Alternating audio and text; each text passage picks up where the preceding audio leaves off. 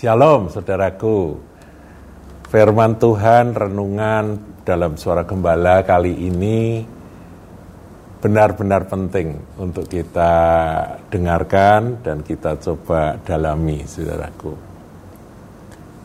Saya barusan menerima sebuah artikel, mungkin saudara juga sudah baca ya. Judulnya Dua Orang Baik tapi mengapa pernikahan tidak bahagia?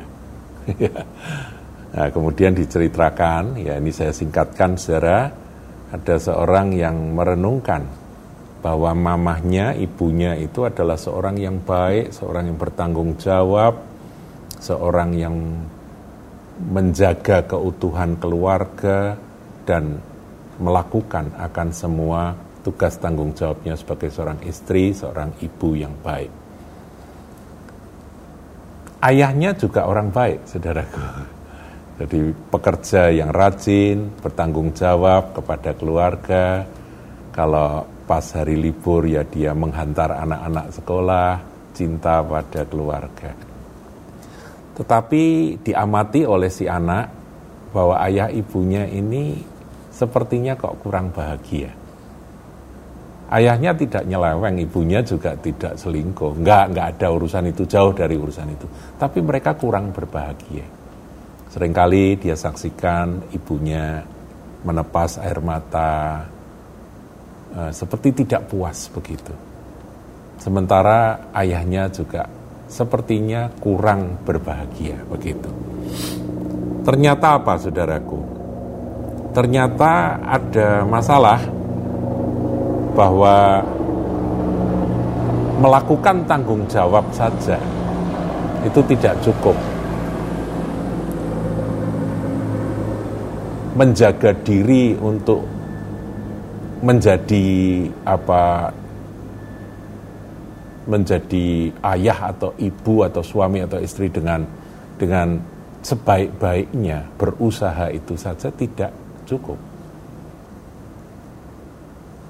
Nah, itu berlangsung saudaraku. Sampai akhirnya si anak ini menjadi dewasa dan dia menikah. Dan setelah memasuki uh, hidup nikah, dia sama seperti ibunya. Dia melakukan akan tanggung jawab, menjaga keutuhan keluarga, rajin bekerja, ngatur rumah, dan sebagainya. Dia eh, benar-benar menjadi seorang istri, wanita, ibu rumah tangga yang sebaik-baiknya. Tapi dia juga melihat seperti mengulang akan kejadian rumah tangga dari orang tuanya. Sepertinya suaminya kurang bahagia. Ya, dia jadi bingung padahal dia memberikan rumah yang bersih, tertata rapi dan semuanya dia kerjakan dengan jerih lelah dan tanpa mengeluh. Suaminya pun juga orang yang baik sama seperti bapaknya. Ya. Jadi melakukan akan tugas-tugas eh, bekerja mencari uang untuk rumah tangga mereka. Sampai suatu saat ketika dia sibuk membersihkan rumah, suami berkata, "Ayo yang temani aku di sini duduk, kita akan dengerin musik sama-sama." Ya, ini dikatakan dengan mimik yang tidak senang, saya menjawab, apa kamu tidak lihat bahwa masih ada separuh lantai lagi yang belum dipel? Begitu kata-kata ini terlontar, tiba-tiba dia sadar, kok ini mirip sekali dengan kondisi pernikahan ayah dan ibunya dulu.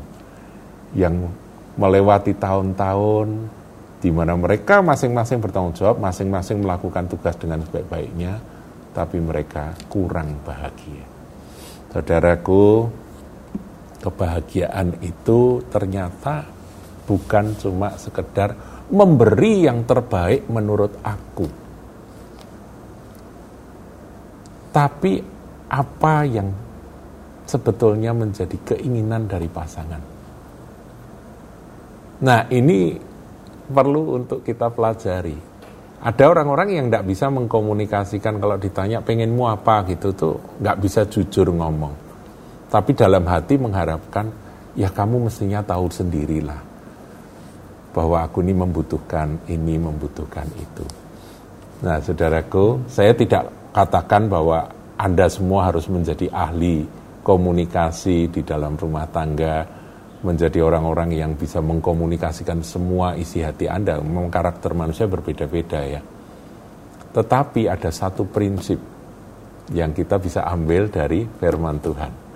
Ini kisah klasik, saudaraku ya. Saya akan ajak Anda untuk merenungkan Lukas pasal yang ke-10 ayat yang ke-38 sampai 42. Ini sudah diulang-ulang ayat-ayat ini dibacakan dan diuraikan. Tapi kali ini saudaraku, saya berharap ini bisa tajam menancap di hati Anda yang mendengarkan firman ini. Maria dan Marta judulnya ayat 38 saya bacakan. Ketika Yesus dan murid-muridnya dalam perjalanan tibalah ia di sebuah kampung, seorang perempuan yang bernama Marta menerima dia di rumahnya. Jadi Marta menerima Tuhan Yesus. Perempuan ini mempunyai seorang saudara yang bernama Maria. Dua bersaudari ya. Maria ini duduk dekat kaki Tuhan dan terus mendengarkan perkataannya. Sedang Marta sibuk sekali melayani. Ia mendekati Yesus dan berkata, Tuhan tidakkah engkau peduli bahwa saudaraku membiarkan aku melayani seorang diri, suruhlah dia membantu aku. Tetapi Tuhan menjawabnya, Marta, Marta, engkau khawatir dan menyusahkan diri dengan banyak perkara. Tetapi hanya satu saja yang perlu. Maria telah memilih bagian yang terbaik, yang tidak akan diambil daripadanya. Saudaraku, ini firman Tuhan ini klasik, saudara. Tapi di dalamnya maknanya sangat-sangat dalam, very deep, saudara. Marta itu mengasihi Tuhan dan berusaha menyenangkan Tuhan, yaitu dengan dia melakukan apa saja yang menurut Marta itu terbaik. Katakan dia melayani, sibuk melayani. Tidak salah, saudaraku, menjalankan tugas. Tetapi ada satu yang perlu harus dia sadari dan dia pelajari justru dari saudarinya. Yaitu apa? Mendengar.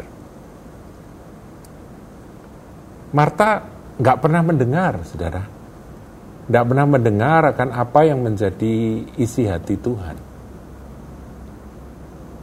Dikatakan di sini Maria duduk dekat kaki Tuhan dan terus mendengarkan perkataannya. Tuhan mau bicara, saudara. Tapi Marta sibuk melayani. Marta tidak mau seperti Maria, karena dia berkata masih banyak pekerjaan yang terbengkalai untuk Tuhan. Saudaraku, seperti tadi ya, ilustrasi tentang dua orang baik. Ya Marta ini kan baik saudaraku ya. Tapi tidak berbahagia pernikahannya. Karena apa? Karena masing-masing ini ingin memberi yang terbaik pada keluarga pada pasangannya tapi menurut apa yang dia pandang baik. Bukan apa yang sungguh-sungguh diharapkan dan diinginkan oleh pasangannya. Nah ini pasutri-pasutri, pasangan suami istri harus belajar, saudaraku. Apa yang Anda anggap baik dan pasti akan menyukakan hati pasanganmu, ternyata belum tentu loh, saudara. Untuk itu Anda butuh hikmat. Anda perlu mengamati. Anda perlu uh, apa menyelami akan apa yang sesungguhnya diinginkan oleh suami atau istri Anda. Dan itu yang akan membuat bahagia. Seperti pelajaran ini, Tuhan Yesus itu disukakan dengan pelayanan dari Maria. Karena apa? Karena dia ingin bicara. Dia ingin mengungkapkan sesuatu kepada murid-muridnya ini. Tetapi Marta nggak mau dengar Marta sibuk melayani. Buahnya kita tahu, Marta khawatir dan bikin susah diri sendiri dengan banyak perkara. Dan Tuhan menyimpulkan akan apa yang dilakukan Maria itu sebagai satu saja yang perlu. Saudaraku, di dalam kita mengikut Tuhan, satu saja yang perlu. Dengar apa yang dia inginkan. Kalau dia berkata lakukan ini nak, maka kita pun mendengar dan melakukan. Saya yakin kok Maria itu duduk, tapi kalau Tuhan perintahkan dia sesuatu, dia berdiri kok, pasti. tapi kalau Tuhan memang ingin dia duduk, ingin dia mendengar, ya dia harus duduk dan mendengar terus. Marta nggak ngerti soal-soal seperti itu. Marta hanya memakai asumsinya, memakai akan apa yang dia anggap baik untuk Tuhan, apa yang dia anggap menyukakan Tuhan, menyenangkan Tuhan, anggapan dari dirinya sendiri. Saudaraku, dalam hubungan suami istri kita belajar dari uh, kisah Marta Maria ini. Bagaimana kita menyukakan, membahagiakan akan pasangan kita? bukan dengan kerja kerja kerja kerja tanggung jawab tanggung jawab. Setelah itu kita berkata yang penting kan tanggung jawab sudah aku lakukan. Bukan itu saja. Itu penting tapi ada hal-hal lain yang harus kita sentuh yang harus kita kerjakan. Belajar saudaraku firman Tuhan akan membuat kita semakin bijak di tahun 2022 ini. Tuhan Yesus berkati